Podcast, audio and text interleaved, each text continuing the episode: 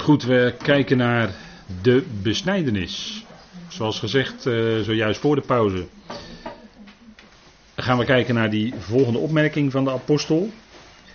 En dat is misschien toch wel een merkwaardig als je dat zo leest. In uh, Filippenzen 3. Dan zegt hij, want wij zijn de besnijdenis. Wij zijn de besnijdenis. Vers 3.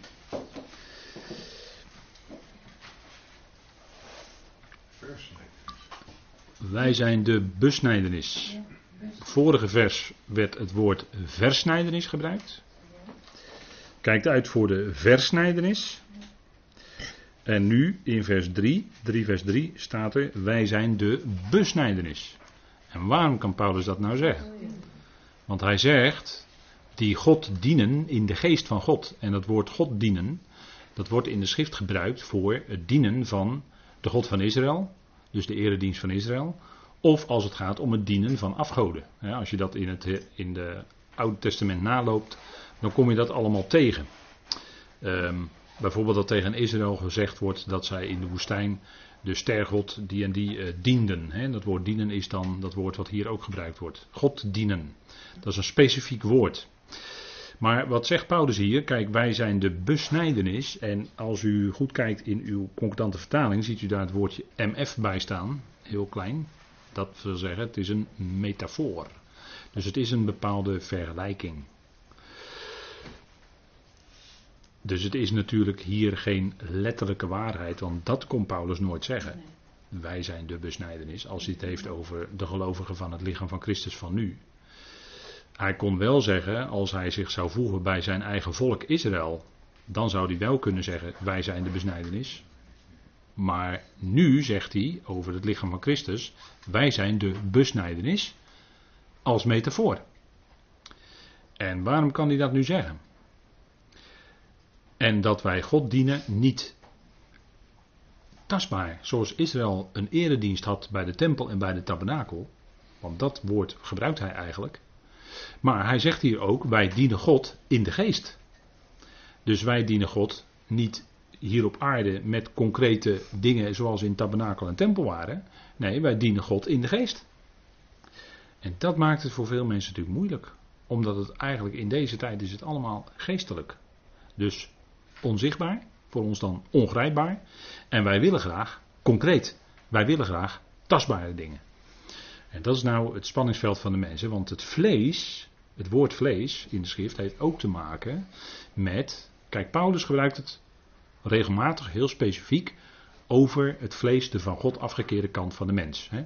Maar vlees in het algemeen in de schrift, vanuit Tenach, vanuit het Oude Testament, heeft de betekenis van ook het tastbare, het zichtbare.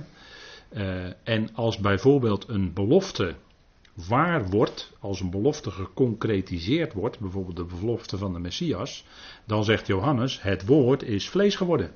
En daar was de Messias, daar zag hij dat lam van God wandelen. Dan werd het concreet, de belofte was vervuld geworden. Het was vlees geworden, het was concreet geworden. En dan heeft het zelfs nog, dat woord vlees worden, heeft zelfs nog de notie van evangelie, van goed nieuws. Zo wordt het eigenlijk in het Oude Testament gebruikt. Dat is het woord bazar in het, uh, of uh, bezor, als je de interpunctie van de Masoreten wil uh, gebruiken en die uitspraak wil volgen, dan moet je zeggen bezor, oké, goed. Maar dat is dan vlees, of vlees worden, en dat, is dan, dat heeft alles te maken met het tastbare, het zichtbare. En waar het in het evangelie gaat, wat Paulus natuurlijk brengt, zijn de geestelijke dingen. Dat wil zeggen, de inhoud. Dat wil zeggen, datgene wat achter datgene zit wat wij zien. Kijk, een materialist in deze wereld die zegt: Ik leef in een materiële wereld. En dat kan ik allemaal met, je, met mijn handjes pakken. En dat is er dan. En als ik doodga, is het allemaal over en uit. Dan is er niks meer. En wat zit die materialist er dan enorm naast? Want achter die werkelijkheid die wij zien met onze ogen waar we tegenaan kijken, zit nog een hele andere geestelijke werkelijkheid. En dat is wat wij nu kunnen verstaan doordat wij die geest van God hebben ontvangen en door het woord kunnen begrijpen. Dat wij iets geestelijk gaan begrijpen, dat de, de processen zoals die gaan in de wereld, de processen zoals die gaan in het mensenleven, dat dat te maken heeft met geest, met geesten, met een geestelijke wereld. En dat is wat occultisten wel degelijk beamen.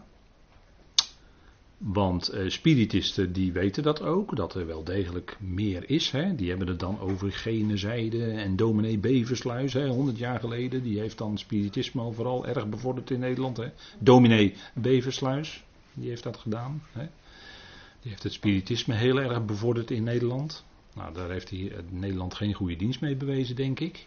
Want je moet niet bij het, het spiritisme uit. Tegenwoordig spreekt men over spiritueel of spiritualisme als men eigenlijk spiritisme bedoelt. Dat is even begripsverwarring, hè? want we hebben tegenwoordig ook allemaal begrippen die worden weer afgeschaft. Hè? Begrippen die er vroeger waren, die worden afgeschaft.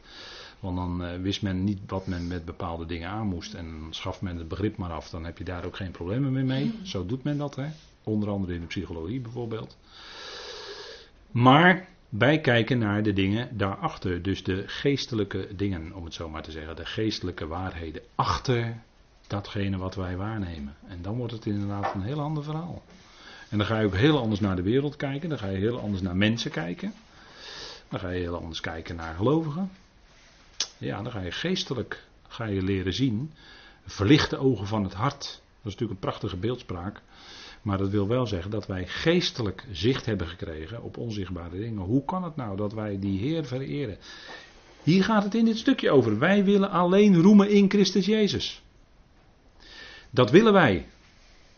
En diegene die Christus Jezus is, die hebben wij nog nooit gezien met onze oogjes. En die hebben wij nog nooit getast met onze handjes. En toch willen wij alleen maar roemen in Christus Jezus. Hoe kan dat? Dat kan omdat we die geest van God hebben ontvangen. Dat het evangelie in ons is gaan werken. En dat we hebben ontdekt wat Hij voor ons gedaan heeft. En dat wij dat zelf helemaal niet konden doen. Maar dat het puur en alleen genade is. En ja, als je ogen daarvoor geopend worden, kan alleen maar door de geest van God. Kan alleen God doen. Je kan met honderd paarden aan iemand gaan trekken, maar dat heeft geen enkele zin. Die komt daardoor niet tot geloof hoor. Dat gaat hem niet worden. Echt niet. Maar God moet een werk in iemand doen. Kijk naar Saulus van Tarsus. Hij vervolgde de gemeente. Dreiging en moord blies hij. Hij zat vol nijd en jaloezie en moordgedachten tegenover de gelovigen notenbenen. Zo was hij bezig hoor. Er was geen spoortje bekering, geen spoortje berouw. En God pakte hem zo op weg naar Damascus. In één keer. Door zijn geest. Ik ben Jezus die jij vervolgt. En het was gelijk gebeurd met hem. En hij werd 180 graden omgedraaid. Hoe, hoe kan dat, zeg je? Nou, dat is Gods werk. Dat is, zo werkt God mensen die kunnen daarvan getuigen, die in diepe, diepe duisternis zaten. En door God aangeraakt werden en ineens in het licht kwamen. En die God loven en prijzen om het wonderbare licht wat ze nu zien. Dat doen wij ook. En daarom roemen wij in Christus Jezus en niet in onszelf. Dat is uh, aanmatigend hoor, als we dat doen. Niettemin toch roemen in ons eigen vlees, terwijl alle roem voor Hem is. Dat is erg aanmatigend tegenover God. Maar wat heeft Hij gedaan? Want daar had ik het net over, Colossense 2. Hè? Laten we het even met elkaar lezen. Daar gaat het ook over de besnijdenis. Maar dan gaat het over de ware besnijdenis. Waar alle besnijdenis eigenlijk naartoe wees. Daarom moest Abraham zichzelf en zijn huis besnijden. En werd zijn zoon Isaac op de achtste dag besneden. En werd Ismaël op dertienjarige leeftijd besneden. Maar dat verwees allemaal naar waar in Colossense 2 over gesproken wordt.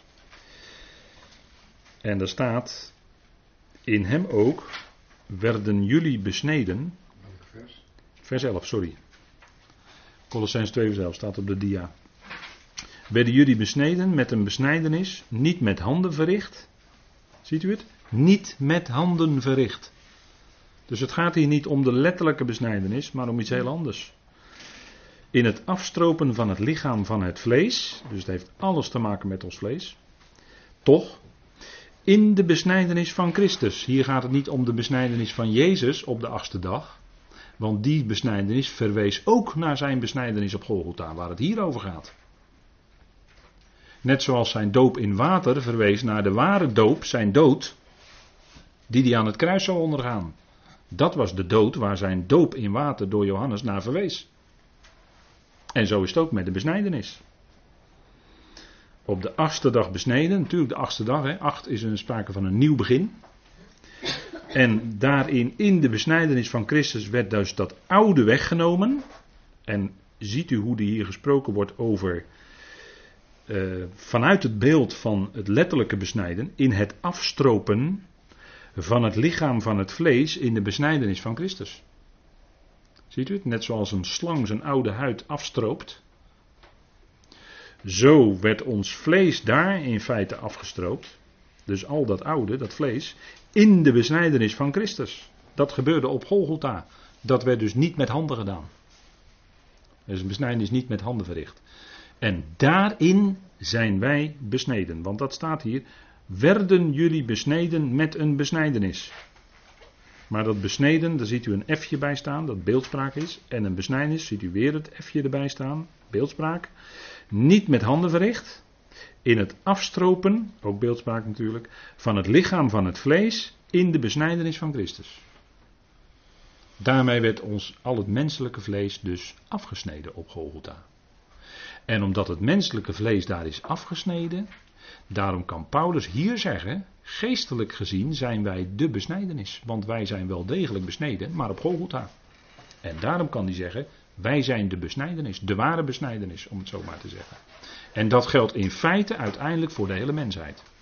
Dus zowel voor heidenen als voor joden, als u dat onderscheid wil maken. Maar ik zeg hele mensheid, en daar zit dus iedereen bij in. En gezamenlijk met hem begraven zijn in de doop. Met hem begraven, nou begraven dat is vrij definitief, hè? dat weet u, het dagelijks leven. Dat is erg definitief, zand erover.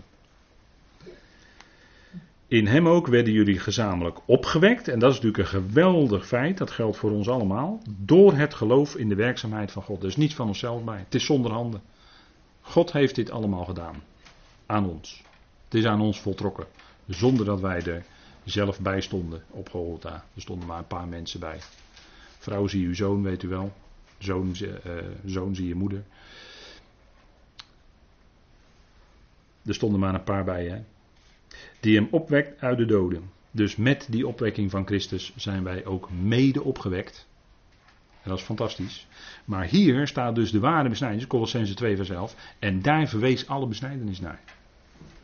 En toch, hè, en toch, hoewel niet direct doelend op Golgotha, toch werd er in de wet al gesproken over een besnijdenis zonder handen. Want natuurlijk was het in de wet opgenomen. Wat aan Abraham moest gebeuren, werd in, later in de wet opgenomen, Leviticus. Maar de wet sprak wel degelijk over een besnijdenis zonder handen. Kijk maar in Deuteronomium 10. En daar had de Heer ook problemen mee met Nicodemus, want die begreep dat niet. En uh, heel veel mensen begrijpen dat niet. En als je je dus letterlijk laat besnijden, ja, dan ga je volledig voorbij aan Colossense 2. Dan ga je volledig aan voorbij. Of je hebt het volledig losgelaten, kan ook.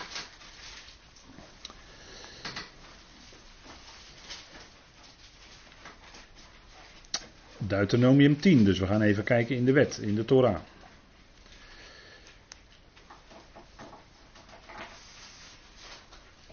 Vers 15, Deuteronomium 10, vers 15. Alleen voor uw vaderen heeft de Heer liefde opgevat om hen lief te hebben. En hij heeft hun nageslacht, hen, u, uit al de volkeren verkozen. Zoals het heden ten dagen het geval is. Besnijd dan de voorheid van uw hart. Hey. En wees niet langer halstarrig. Met andere woorden, die eeltlaag die er over het hart ligt, want harten in de Bijbel blijken vaak hard te zijn. Harten van mensen blijken vaak hard te zijn. Hè? Mensen blijken vaak, vooral volk Israël, hè, dat is een schoolvoorbeeld, maar mensen ook hoor, die zijn halsstarrig. Hè? Want het woord wordt hier gebruikt, hè? halsstarrig. Of eigenlijk het Hebreeuwse woord gaat naar, weet wel hier, die nek, hè? stijf van nek zijn, die nek die niet wil buigen. Die hardnekkigheid, hè, dat vertaalt ook met weerspannigheid. Er zit ook het woord spanning in. Er staat die nek onder spanning, want die wil niet buigen. Ja, dan word je. Maar hier zegt de wet dus, Mozes, besnijd dan de voorhuid van jullie hart en wees niet langer halstarrig. Dat wat ervoor zit, dat moet eigenlijk weggesneden worden. Dat, dat eelt, dat verharde hart, dat eelt moet eigenlijk van het hart af. En bij veel mensen is er een laag eelt over het hart gekomen. Door allerlei oorzaken. Ten opzichte van God. Hè? Want kijk, het gaat niet hier. Het gaat bij Israël natuurlijk steeds om hoor Israël. En Israël die hoorde wel, maar een gehoor dat zat op een gegeven moment dicht. Hè? Er kwam ook een laagje overheen. Ze, ze, hoorden het niet meer, het drong niet meer tot hen door. En dat is ook vaak de houding van de mens als het, als het om God gaat. De mens wil dat woord van God niet horen. tegenwoordig uh, vindt men de, de, de, de, degene die. Heel veel mensen vinden degene die nog geloven, vinden ze maar primitief. Daar kijken ze op neer. Ach, die doen nog aan religie, die zijn nog primitief, die zijn nog in de, in de kindstatus. Wij zijn al volwassen, wij hebben de religie al achter ons gelaten. En ze hebben geen idee dat het precies andersom is. Het is precies andersom. En dat vind ik dan altijd te tragisch als ik zulke soort mensen hoor praten. met een bepaalde dédain en ook vaak met een beetje hete aardappel in de keel. En dan denk ik, joh, slik die aardappel nou door joh. Daar heb ik zo'n hekel aan. Maar goed, het is mij persoonlijk hoor, dat zal wel iets van mij persoonlijk zijn. Maar eh, besnijd dan de voorheid van je hart, zegt de Heer tegen zijn volk. En wees niet langer halstarrig. Maar later, het merkwaardige is dat het wel eens in Gods plan kan zitten dat toch tijdelijk een verharding komt over dat volk. Want Jezaja moest tegen het volk profeteren. En dat was opdat dat volk, eh, het hart van het volk vet zou worden. Opdat dat gehoor dicht zou gaan zitten. Begrijpt u? Dat hè, dat. dat uh... We vinden dat ook in Deuteronomium 30. We gaan nog even verder met de Torah. Dus in de Torah, heel merkwaardig, hè, wordt al gesproken over een besnijdenis zonder handen. Kijk, en dit is toekomstmuziek voor het volk. want in de Torah stond al de hele periode van ballingschappen, ballingschap, ballingschappen aangekondigd. Maar ook het herstellen, ook de terugkeer. En dat is natuurlijk uh, wat we in onze dagen al een heel klein beetje zien. Maar dat is, uh, dat is vervulling van profetie, maar nog niet de vervulling van de belofte dat Joden terugkeren naar het land van belofte. En dat is, eh, kijk, waar hier spreekt de Heer namelijk in Deuteronomium 30 over de terugkeer die nog toekomstmuziek is. Dat is wat we niet in onze dagen zien. Dit is wat we niet in onze dagen zien, maar dat gaat nog gebeuren. In Deuteronomium 30, vers 5. En de Heere jullie God zal jullie naar het land brengen dat jullie vaderen in bezit hadden. En je zult het in bezit nemen en hij zal je goed doen en je talrijker maken dan je vaderen. Dit was niet onder Jozua. Nogmaals, dit is nog toekomstmuziek. De Heere jullie God zal jullie hart en het hart van jullie nageslacht besnijden. Hé, hey, daar hebben we het weer hè. En, en de Heere, om de Heere jullie God lief te hebben, met heel je hart en met heel je ziel, zodat je zult leven. Kijk, de Heer bewerkt dat zelf bij zijn volk. De Heer bewerkt dat zelf. Hij zal zelf zijn geest in ze geven en zo hun hart besnijden en zo zullen zij met heel hun hart hem dienen. Dat is toekomstmuziek. Maar dat gaat nog gebeuren in de nabije toekomst, hè, als de gerichten geweest zijn. Maar dan zal de Heer zelf dus het hart besnijden van het volk. Dat zal hij zelf doen. Het hart besnijden, hè? dus dat is niet met handen, maar dat gebeurt, dat gebeurt geestelijk. Dat is een geestelijke zaak weer. Dat is het punt. Hè? Nou, en we vinden dat bijvoorbeeld ook in Jeremia 4, vers 4. Ik wil even gelijk het rondje maken door de schrift.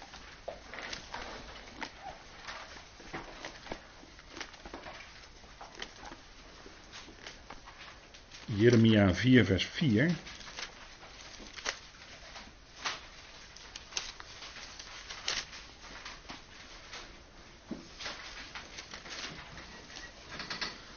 Jeremia, weet u, hè, die leefde zo nog in de laatste periode dat, uh, dat uh, de twee stammen nog, uh, nog heel even in het land waren. Hè, de twee stammen die weggevoerd werden door de koning van Babel, hè, Nebuchadnezzar, onder koning Zedekia, weet u wel.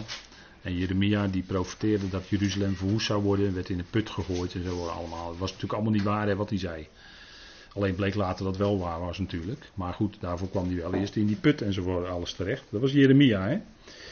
En dan staat er: Besnijd u voor de Heer en doe de voorheid van jullie hart weg. Mannen van Juda en inwoners van Jeruzalem, anders zal mijn grimmigheid uitslaan als een vuur en branden zonder dat iemand, zonder dat iemand kan blussen vanwege jullie slechte daden. En daarom werden ook uh, vanwege hun verstokte, hardnekkige afgoderij werden ze ook weggevoerd uit het land. Uiteindelijk de twee stammen. In, uh, ja, wanneer was dat? 586 of zo, 586 voor Christus, BC, before Christ. Werden ze weggevoerd en 70 eh, jaar later keerden ze weer terug. Daniel. En dan gaan we nog kijken in Romeinen 2, want Paulus zegt daar ook iets van. En dat zullen de Joden helemaal niet leuk gevonden hebben. Wat hij daar schreef. Want de Joden beroemden zich toen en nog steeds op het feit dat zij het uitverkoren volk zijn, dat zij besneden zijn. Dat beschouwen zij, terwijl het juist een afsnijding is van het vlees, beschouwen zij het als een voorrecht waarop ze zich kunnen beroemen. Terwijl het betekenis van de besnijdenis juist is dat de roem, namelijk het vlees, afgesneden wordt. Dat is het punt, hè? maar het keert zich precies weer om in de mens. De mens gaat zich op iets beroemen. Wat eigenlijk zegt, joh, jij kan het niet, want Abraham moest wandelen voor Gods aangezicht. En God zei, ik ben El Shaddai, dus ik doe alles. En op dat moment moest hij zich besnijden als teken dat hij het zelf niet kon vanuit zijn eigen vlees, maar dat God in hem werkte en dat zij zo kon wandelen. Zo, in geloof. En dat God dat doet. Dat is het punt. En dat is de diepe betekenis van de besnijdenis. En dan zegt Paulus in de Romeinen 2, vers 28. Want de vraag wie is een Jood, dat is een hele moeilijke vraag hoor. Dat kan heel moeilijk worden als je daarover gaat praten met elkaar. Maar, want niet hij is een Jood die het in het openbaar is. En niet dat is de besnijdenis die in het openbaar, hè, door de mohel, dat weet u allemaal wel, hè, in het vlees plaatsvindt. Maar hij is Jood die het in het verborgen is. En dat is de besnijdenis van het hart. Naar de geest. En niet naar de letter. Zijn lof is niet uit de mensen, maar uit God. En hier knoopt Paulus dus gewoon aan bij wat we net allemaal gelezen hebben. Het gaat om die besnijdenis van het hart. Het gaat helemaal niet om dat wat letterlijk gebeurt nog steeds vandaag de dag. Daar kunt u over lezen, heel mooi beschreven, onder andere door Rabijn de Vries, Joodse riten en symbolen. Ik heb het boek ook boven staan, waarin hij alles prachtig beschrijft. Alleen je moet wel beseffen, als je het leest, dat het in deze tijd voor God eigenlijk geen betekenis heeft. En voor ons ook niet. Het is heel mooi allemaal, maar het heeft eigenlijk geen betekenis. Want dat zegt Paulus hier ook. Het gaat niet om de letterlijke besnijdenis, maar het gaat om de besnijdenis van het hart. Zegt hij hier heel duidelijk tegen zijn eigen volk. En dat stond al in de Torah, hebben we gelezen. En dan denk je van, jullie die onder de Torah willen leven, horen jullie de Torah niet? Dat zegt Paulus toch in Galaten 4. Hoor je het niet? Begrijp je niet de betekenis van de Torah, waar het werkelijk om gaat, de geestelijke betekenis? Dat is het punt, hè? En je kan, een, uh, je kan een heleboel vragen bij stellen. Maar goed, we gaan even nog verder met elkaar. Het gevolg is van het kruis, het gevolg van het kruis is, want we hebben Colossense 2 gelezen en dat is echt alles beslissend hoor, wat daar staat, alles beslissend. Dat is de werkelijkheid waar we nu in leven, de geestelijke werkelijkheid, is die besnijdenis van Christus. Niet de besnijdenis van Jezus, maar de besnijdenis van Christus. Daar is eigenlijk alles om te doen. En het gevolg daarvan is, als dat tot je doordringt, wat dat betekent, ook voor jouw eigen vlees, dat het dus afgesneden is, dat het dus helemaal geen enkel goed werk voor God kan doen. Vanuit je, vanuit je vlees kun je geen goede dingen voor God doen. Kan niet, want het is afgesneden op Golgotha. Dan kun je alleen nog maar in Christus Jezus roemen en niet op vlees vertrouwen. En door allerlei omstandigheden heen ga je dat ook ervaren. Voor zover je nog op vlees vertrouwt, dat is een groeiproces in het geloofsleven. Voor zover je nog op vlees vertrouwt, maar je gaat met God door allerlei ervaringen heen waarin je laat zien, joh, jij kan het helemaal niet fixen, joh, jij kan het helemaal niet meer voor elkaar krijgen. En daar gaat het hoor, jouw vlees. Jij dacht het wel te kunnen regelen allemaal, hè? Ja, dacht je dat? Dacht je dat jij dat allemaal kon regelen? Nou, dat is vlees hoor, dat is hoogmoed. En God die breekt dat bij je af. Bij, die breekt dat bij ons als gelovigen af. Dat is de boodschap van het kruis. Dat is een hele diepgaande boodschap. En daar zit, daar zit de crux. Dat is denk ik het goede woord nu. Daar zit het hem dat heel veel gelovigen de boodschap van de apostel Paulus niet goed verstaan. Want het is allemaal nog, wat zij doen, is allemaal nog gebaseerd op eigen inspanningen, dus op eigen vlees. Dus ze menen heel goed bezig te zijn. Maar het is in feite allemaal roemen, niet in Christus Jezus, maar in zichzelf. En dat is het hele punt. Hè. Dat is het hele punt. En dat is waar Paulus in Filippenzen 3 en ook in Efeze en ook in Colossense mee bezig is. Hè? Die hele diepe uitwerking van het kruis, want dat blijkt dus ook in ons dienstwerk. De uitwerking van het kruis, want daar gaat het hier om. In ons dienstwerk blijkt dat ook. Dat wij niet op ons eigen vlees kunnen vertrouwen, maar alleen in Christus Jezus kunnen roemen. Dus hoe doe je dienstwerk? Nou, dat kan alleen maar in volste vertrouwen op Hem. Doe je het vanuit jezelf, vanuit je eigen vlees, dat jij het allemaal, ja. Ja, dan kan je zeggen, ja, ik, ik loop al 50 jaar mee in die en die club. Nou, dat zegt mij helemaal niks hoor. Zegt mij helemaal niks. Dan kan je nog 50 jaar lang kan je allemaal jouw kunstje doen op jouw manier, zoals jij denkt dat het moet en zoals jij vindt dat het goed is. Maar dat wil nog helemaal niet zeggen dat het, dat het echt vrucht draagt, vrucht is van de geest. Dat wil helemaal niet zeggen. Kijk, het vlees maakt, eh, het kruis maakt een einde aan het roemen op vlees. En daarom gebruikt Paulus in de Korinthebrieven dat woord roemen zo vaak. Want die Corinthiërs deden dat namelijk wel. En die vonden Paulus helemaal geen goede spreker. Want die andere was veel charismatischer. Die kon het allemaal veel mooier zeggen en beter. En met meer gebaren en heen en weer wandelen op podium. Weet ik wat allemaal. Dat is allemaal leuk voor het gezicht hoor. En is iemand bezig in beweging. Dat is allemaal leuk.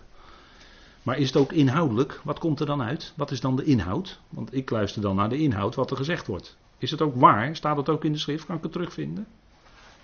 Daar gaat het om. En dan heb ik liever iemand bijvoorbeeld als destijds Vladimir Gelesnov, die ooit dat tijdschrift begon samen met Broeder Nog, die bekend stond als een hele saaie spreker, want die stond gewoon stil voor een katheter. Maar wat hij te zeggen had, daar kwamen de mensen op, daar kwamen de mensen op af, die kwamen luisteren. Want die hoorden dat hij wat te zeggen had uit de schrift. Dat ging heel diep. Kijk, en dat is het punt.